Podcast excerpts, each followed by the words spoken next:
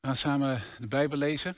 En vanmorgen lees ik een paar gedeelten uit de brief aan de Hebreeën. We weten niet precies wie de brief geschreven heeft. Uh, vroeger werd er wel gedacht Paulus, misschien iemand anders. Maar het is in ieder geval iemand die de essentie van het evangelie weer onder de aandacht wil brengen. En dat ook met een specifiek, uh, specifiek doel. En daar komen ze ook nog wel op terug. Wij lezen de brief aan de Hebreeën, hoofdstuk 1, vers 1 tot 4. En 2 ook vers 1 tot 4. Hebreeën 1 vanaf vers 1. Er staat op velelei wijze en langs velelei wegen heeft God in het verleden tot de voorouders gesproken door de profeten. Maar nu, aan het eind van de tijd, heeft hij tot ons gesproken door zijn zoon, die hij heeft aangewezen als enig erfgenaam en door wie hij ook de wereld heeft geschapen.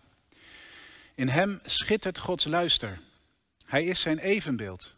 En hij schraagt de schepping met zijn machtig woord. Hij heeft, na de reiniging van de zonde tot stand te hebben gebracht, plaatsgenomen aan de rechterzijde van Gods hemelse majesteit. Ver verheven boven de engelen, omdat hij een eerbiedwaardiger naam heeft ontvangen dan zij. En lezen verder in hoofdstuk 2.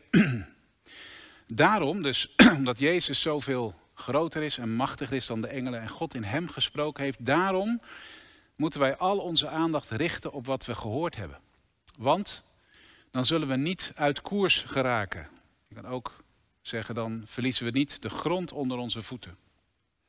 Want als het door engelen gesproken woord al zoveel rechtskracht bezat, dat op elke overtreding en ongehoorzaamheid een rechtmatige straf volgde, hoe zullen wij dan aan die straf ontkomen wanneer we geen acht slaan op de zoveel meer omvattende redding die begonnen is met de woorden van de Heer en die voor ons bevestigd werd door hen die deze woorden hebben gehoord.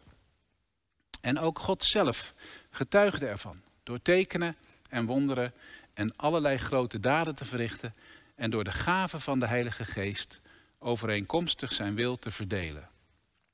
Tot zover de lezing. Het zijn lange zinnen, wat moeilijke zinnen misschien ook, maar wij zullen kijken wat dit voor ons betekent. En ik wil met name vanmorgen uh, de tijd nemen om in te zoomen op vers 3 in hoofdstuk 1. En dan vooral het tweede gedeelte.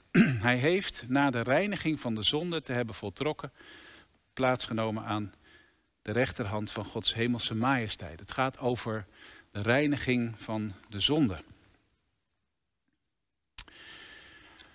Gemeente van onze Heer Jezus Christus.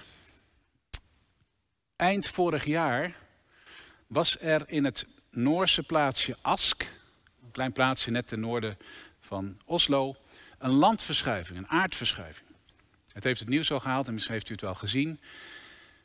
Ineens werd een groot gedeelte van het dorp weggevaagd. Er zijn verschillende mensen omgekomen en gewond geraakt. En waardoor kwam dat? Nou, dat had te maken met een heel speciaal soort ondergrond. Een speciale klei die in Noorwegen voorkomt en die ook wel snelle klei genoemd wordt. En dat is klei die onder, onder normale omstandigheden uh, stevig is. Je kan er je huis op bouwen, je kan er een heel dorp op bouwen. Het geeft goed, een goed fundament. Alleen onder bepaalde omstandigheden en onder een bepaalde druk, als de omstandigheden ook veranderen, dan kan die klei ineens vloeibaar worden. Vloeibaar als water. Je kunt het je bijna niet voorstellen. Maar er zijn ook wel filmpjes op YouTube waar je ziet hoe dat gebeurt. En dan, dan is het zo vloeibaar dat het zomaar wegstroomt. En dus van de helling afloopt. En de bovenlaag met huizen en alles wat erop staat meeneemt. En dat is wat er gebeurde daar in Oslo. En ik heb soms een klein beetje het gevoel dat hetzelfde gebeurt vandaag in onze wereld. Dan niet letterlijk, maar wel geestelijk, figuurlijk. Het is vandaag precies een jaar geleden dat we voor het eerst op zondag niet konden samenkomen. Een jaar lang zijn we geteisterd door corona. En ik heb het gevoel dat ook juist door de druk die dat ons gegeven, de druk die daar op ons leven uh, is gelegd, bij ons ook van alles is gaan schuiven. En ik besef heel goed dat het voor de een anders werkt dan voor de ander. Als je ondernemer bent, of je zit in de horeca, of je hebt een kapperszaak, gelukkig zijn ze dan weer open. Maar dan is het heel anders dan wanneer je een vaste baan hebt en je salaris komt elke week gewoon weer binnen. En als je jong bent, als je student bent en je mist heel veel in je studententijd, of je bent alleen en je voelt je zeer eenzaam, in een donkere tunnel misschien wel, of als je oud bent en, en bijna niemand, je kleinkinderen niet meer ziet, dan is het anders dan wanneer je met een gezin bent met veel kinderen en elke dag nog wel iemand hebt om te knuffelen. Ook dan kan het een uitdaging zijn. Maar hoe dan ook, deze tijd is een tijd waarin we allemaal op een bepaalde manier onder druk gezet zijn en worden. En ineens blijkt dat alles waarvan we dachten dat het ons zekerheid gaf, niet zo zeker is als we hadden gedacht. Ineens blijkt je gezondheid, dat was het natuurlijk altijd wel, maar ineens voelt dat zo, is je gezondheid veel kwetsbaarder dan het leek. Ineens blijken relaties veel meer spanning te kennen dan je had gedacht. Dan gaan de dingen stuk. Ineens blijkt je financiële situatie niet meer zo rooskleurig. En de grond kan je onder de voeten wegvallen. Als water wegstromen. En ik heb, heb, de ervaring dat dat een enorme spiegel is voor mij, persoonlijk, voor ons als gemeente. En de vraag die dan naar mij toe komt is, wat, wat is nou de grond onder je voeten? Wat is nou de betekenis van je leven? Wat is nou de zin van je leven? En wat geeft je nou zekerheid, stabiliteit? En hoe ga je om met alles wat er op je afkomt? Wat is je, weer, je, je, je veerkracht, je vermogen om ermee om te gaan? En dan ineens lijkt het alsof we dat niet meer kunnen, alsof we die tools niet hebben. En dan vraagt u misschien af, wat heeft dat nou te maken met de tekst van vanmorgen? De reiniging van de zonde. Nou, ik wil u meenemen in dat verhaal wat hier geschreven wordt, wat hier in de brief van de Hebreeën wordt opgetekend. En kijken of we mee kunnen komen en zien wat dat ook betekent voor ons vandaag. Want de situatie in de gemeente waaraan geschreven wordt, deze christenen, die Hebreeën worden genoemd, die christenen zitten in een hele ingewikkelde situatie. Ze zijn vol enthousiasme begonnen toen ze tot geloof kwamen. Ze hebben vol enthousiasme uh, de weg van Jezus opgepakt, zijn hem gaan volgen. En ineens blijkt dat hun leven veel ingewikkelder is dan ze dachten. Want niet iedereen is blij met het feit dat ze Jezus zijn gaan volgen. Mensen maken ze belachelijk, ze worden bespot.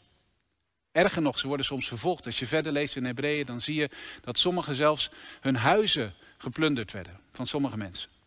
Dat sommige mensen in de gevangenis zaten. Dat ze elkaar daarin gesteund hebben, maar ook soms zelf getroffen werden door enorme discriminatie en weerstand. En daardoor verloren ze ook een klein beetje de moed. Ook een beetje het gevoel, wat heeft het allemaal voor zin? Heeft het wel zoveel waarde om te geloven? Is het allemaal wel waar? En ze begonnen uit koers te raken. Hoofdstuk 2 hebben we dat gelezen. Ze begonnen te verslappen en ze, ze kwamen niet verder in het geloof, in hun groei. En, en de schrijver zegt op een gegeven moment van jullie, jullie hebben nog steeds babyvoeding, terwijl je al lang volwassen had kunnen zijn. Dus het vertraagt allemaal, het verslapt, ze dreigen de moed te verliezen en de grond onder hun voeten te, te verliezen. Die dreigt te verdwijnen. Zo groot is de druk op hun leven. En wat de schrijver nou probeert is om deze gelovigen te bemoedigen, om ze weer grond onder de voeten te geven. En hoe doet hij dat dan? Hij doet dat primair door ze te wijzen op Jezus. En die versen in hoofdstuk 1, 1 tot 4, die eigenlijk over Jezus gaan, zijn een samenvatting van het hele boek. En in die eerste vier versen komen gewoon een aantal dingen naar voren over wie Jezus is. Hij is degene door wie God gesproken heeft. Hij is het woord van God. Hij is degene die alles gemaakt heeft, die alles draagt. Hij is het begin en het einde, zou je kunnen zeggen. Heel de schepping wordt door hem omgeven. En dan staat er op een gegeven moment ook dat hij, die dan het beeld van God is, dus je ziet God in hem en Gods heerlijkheid, hij heeft na de reiniging van de zonden te hebben voltrokken, plaatsgenomen aan de rechterhand van de Vader. En dat is uniek. En ik weet niet of u een christelijke achtergrond heeft, hiermee bent opgevoed of niet. Maar dit is natuurlijk de kern van de boodschap van het evangelie waar we mee zijn opgegroeid. Wat je misschien heel vaak gehoord hebt.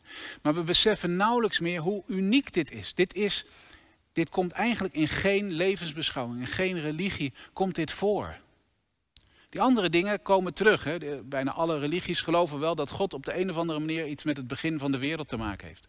En die geloven wel dat God op de een of andere manier alles bestuurt en in zijn handen houdt. En, en, en regeert, de macht heeft over deze wereld.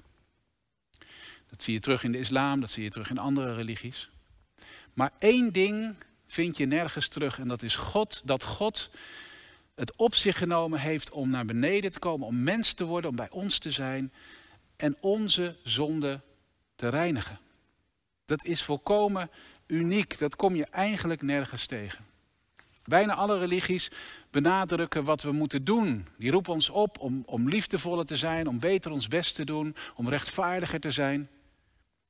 Maar we moeten het wel zelf doen. En de brief aan de Hebreeën roept ons nou juist op om niet meer actiever te worden, maar om te kijken naar wat Jezus gedaan heeft. En dan zeg je misschien ja, maar zonde, het begrip zonde, dat staat zo ver bij me vandaan. Misschien heb je wel vanuit je verleden een heel negatief beeld gekregen van jezelf of van anderen of van de wereld, doordat er altijd over zonde gesproken werd. Dat je altijd het beeld kreeg van je bent zo zondig. En het wordt nooit wat met je. Misschien heb je wel een, een, een slecht eigenwaarde ervan gekregen. En tegelijkertijd is het heel lastig om uit zo'n situatie, maar ook vandaag, de verbinding dan te maken van dat begrip zonde naar ons leven vandaag. Want wat is nou zonde? We zijn in onze samenleving, in onze cultuur veel meer bezig met het feit dat je moet groeien. Dat je fouten mag maken en dat je van je fouten toch moet leren. Daar word je niet gelijk op afgerekend. Althans, in het algemeen. En we zijn heel erg gericht op mentale en fysieke gezondheid. En dat heeft toch niks te maken met, met zonde. Als je, als je een slechte jeugd gehad hebt, dan moet je leren om je daarvan los te maken. Dan moet je leren om weer je eigen verantwoordelijkheid als mens te nemen. En moet je genezing ontvangen. En dat is ook allemaal zo. Maar daarmee kunnen we dus heel weinig uit de voeten, heel slecht uit de voeten met, met zonde. Waar gaat het dan om? En als we dan kijken naar onze cultuur, dan, dan is de vraag die ik wil stellen. Stel nou dat je volmaakte jeugd hebt gehad. Stel nou dat je nooit meer um, je beroerd of, of minderwaardig voelt. Stel nou dat de coronacrisis voorbij is en, en alles kan weer normaal worden. Is dat het dan? Is dan ons leven op orde? Is het dan weer goed? Is, het dan, is dat het dan? Of moet je zeggen van ja, is dat nou zinvoller dan we het nu hebben? Geeft dat meer betekenis? Wat is het doel van je leven dan uiteindelijk? Want aan het eind van je leven staat toch altijd de dood. En als je nou oog in oog staat met de dood, wat heeft het dan allemaal voor zin gehad? Wat is dan wat overblijft? Ik ben de laatste weken vrij intensief betrokken geweest bij iemand die ook deze week is gestorven uiteindelijk. En op zo'n moment, als je oog in oog staat met het eind van je leven, dan komt het erop aan, wat is nou leven? Wat is nou echt leven? Wat heeft het allemaal voor zin gehad? Waar heb ik het allemaal voor gedaan? En dan kom je uit hier bij deze tekst. Want wil je weten wat de reiniging van de zonde is, maar wil je ook weten wat het doel van je leven is, dan moet je beginnen bij het begin. Waarom zijn we er? Waarom zijn we op aarde? Wat, wat is de bedoeling van ons leven? En dan begint Hebreeën ook bij het feit dat Jezus degene is door wie alles gemaakt is. God heeft een bedoeling gehad toen hij mensen schiep, toen hij de wereld schiep. En wat was die bedoeling? Dat was dat we met hem samen zouden leven in een diepe persoonlijke relatie van liefde. En dat wij met God door deze wereld zouden wandelen om te zegenen, om uit te delen, om liefde te geven. We zijn gemaakt om God te eren en met Hem te leven, Hem lief te hebben en vervolgens in deze wereld zijn getuige te zijn. Dat is de bedoeling van ons leven. Daar zijn we voor gemaakt. En je bent als het ware, zegt de Bijbel dan, een soort soort instrument, een muziekinstrument. Zo, zo wil ik het zelf altijd graag verwoorden, in in het beeld van een muziekinstrument. Een muziekinstrument is gemaakt om, om, om muziek te maken, om Gods liefdeslied voor de wereld te spelen. En dat schept tegelijkertijd dus een hele nauwe relatie met de muzikant en de schepper van het instrument en, en de mensen en de wereld waarvoor we spelen. Nou, zonde betekent nu dat dat kapot gegaan is. Zonde betekent nu dat wij die relatie met God hebben verbroken. En dat heeft niet alleen maar te maken met wat er toen gebeurd is, maar dat heeft te maken met je leven nu. Hoe leef jij? Hoe toegewijd ben je aan, aan, aan de Heere God? Hoeveel hou je van hem? Met alle liefde die hem toekomt, alle eer die hem toekomt? Of schieten we daarin tekort? Die relatie is stuk gegaan. En als instrument draagt daarvan de consequenties. De schepping draagt daarvan de consequenties. Zonde is dus meer dan alleen maar een schuldgevoel. Zonde, zo zegt Paulus het, is dat je God niet meer de eer geeft die hem toekomt. Dat je hem niet meer dankt voor wie hij is, wat hij gedaan heeft, wat hij elke dag geeft, ook aan het leven. En dat is wat ik nou precies in die persoon deze week heb gezien, die de laatste weken alleen maar vol dankbaarheid was, ondanks alles wat er afgebroken werd en het leven wat ten einde liep. En die zei, ja, maar God is goed, door en door goed. En de reiniging van de zonde betekent dat wij dus weer terugkomen bij God en Hem weer erkennen als de goede God. En dat heeft weer alles te maken met het werk van Jezus in deze lijdenstijd. daarom is deze tekst zo fundamenteel. Daarom is dit kleine stukje in dat geheel zo uniek. Want God heeft gezegd, ik wil niet dat mijn schepping, dat mijn mensen stuk gaan.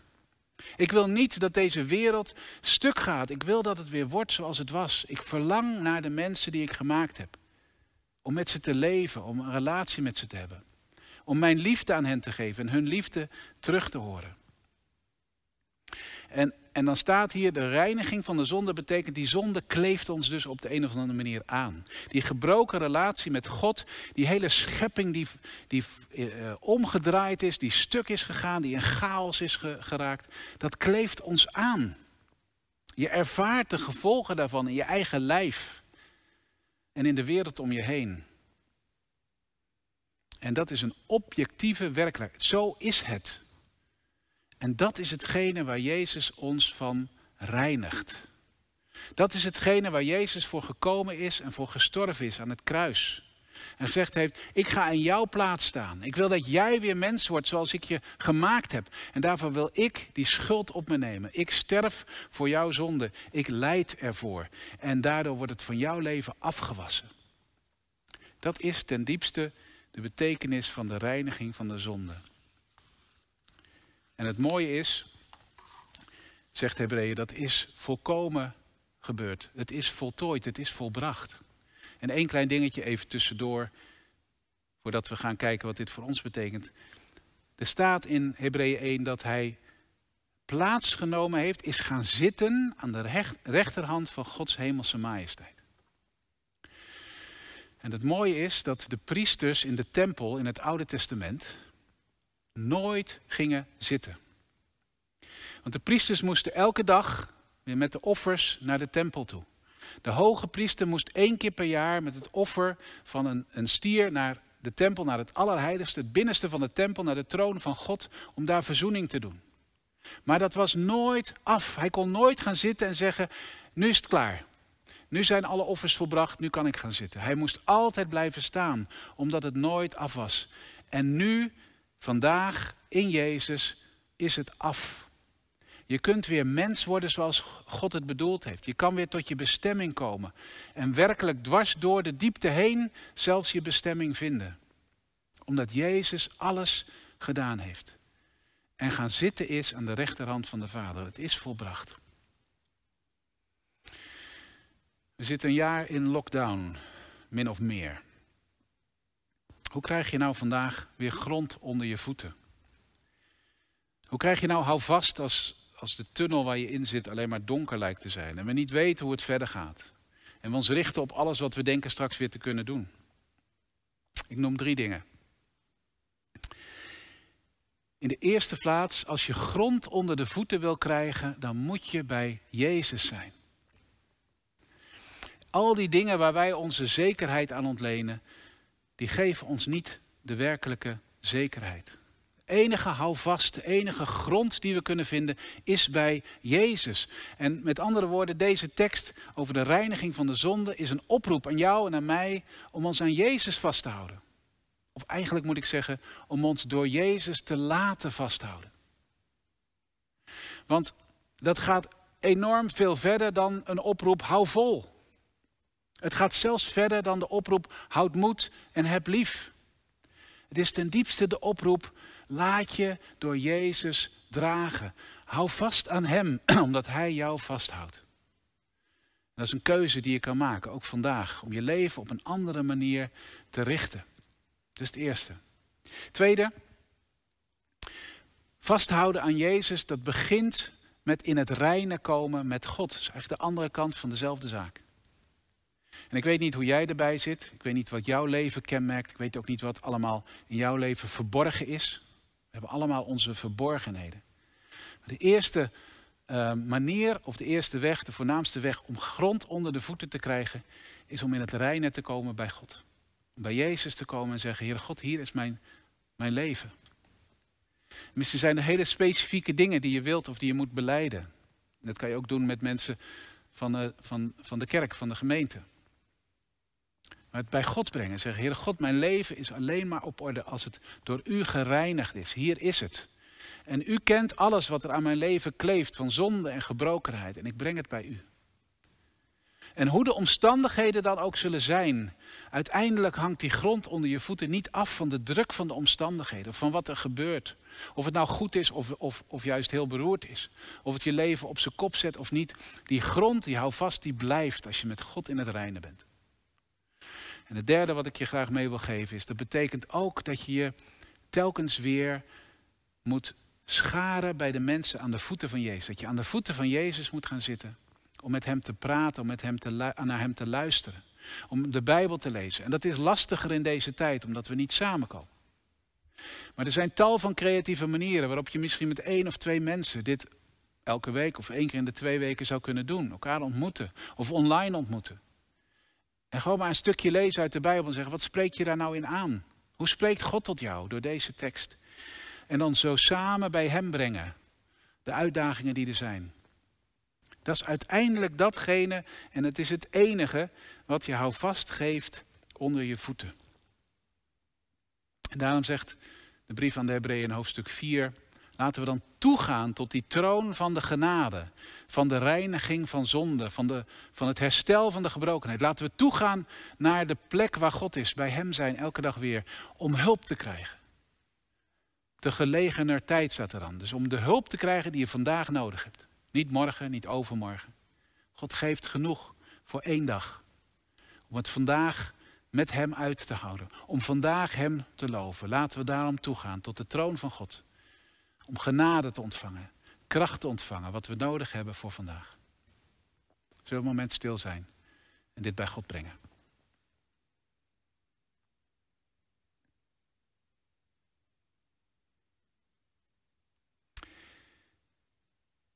Heer in de hemeltrouw, God, we danken u dat u ons kent. Dat u het weet als, als de grond onder onze voeten wegvalt, als we, we dreigen te verzinken. In wanhoop, in hopeloosheid, in coronamoeheid. En we bidden u of u deze woorden ook uit de brief aan de Hebreeën in ons hart wilt planten. Dat, dat alles anders wordt, dat, het, dat de houvast begint als we bij de troon van genade zijn, waar u ons reinigt van alle zonde, alle gebrokenheid, van het leven zonder u. En we beleiden u dat we zo vaak proberen om met deze tijd vol te houden, of eigenlijk elke keer in ons leven, door van alles en nog wat te doen en te bedenken en en uitvluchten te verzinnen. Of ons leven misschien wel te dempen met, met alcohol of met, met andere middelen. Om maar even te ontvluchten aan de pijn van de gebrokenheid. En Heer, u nodigt ons uit om met die pijn en die gebrokenheid bij u te komen, zodat u ons leven kan herstellen. Zodat u die band met ons kunt herstellen, waardoor alles anders wordt. En of we nou aan het begin van ons leven staan of bijna aan het eind, dit kan ons nooit worden afgenomen. Wilt u dat in ons leven leggen, ons daarvan overtuigen, zodat we zelfs aan het eind van ons leven, zelfs midden in de duisternis, in het diepst van de gebrokenheid kunnen zeggen, Heer, u bent goed. Dat bidden we in Jezus' naam. Amen.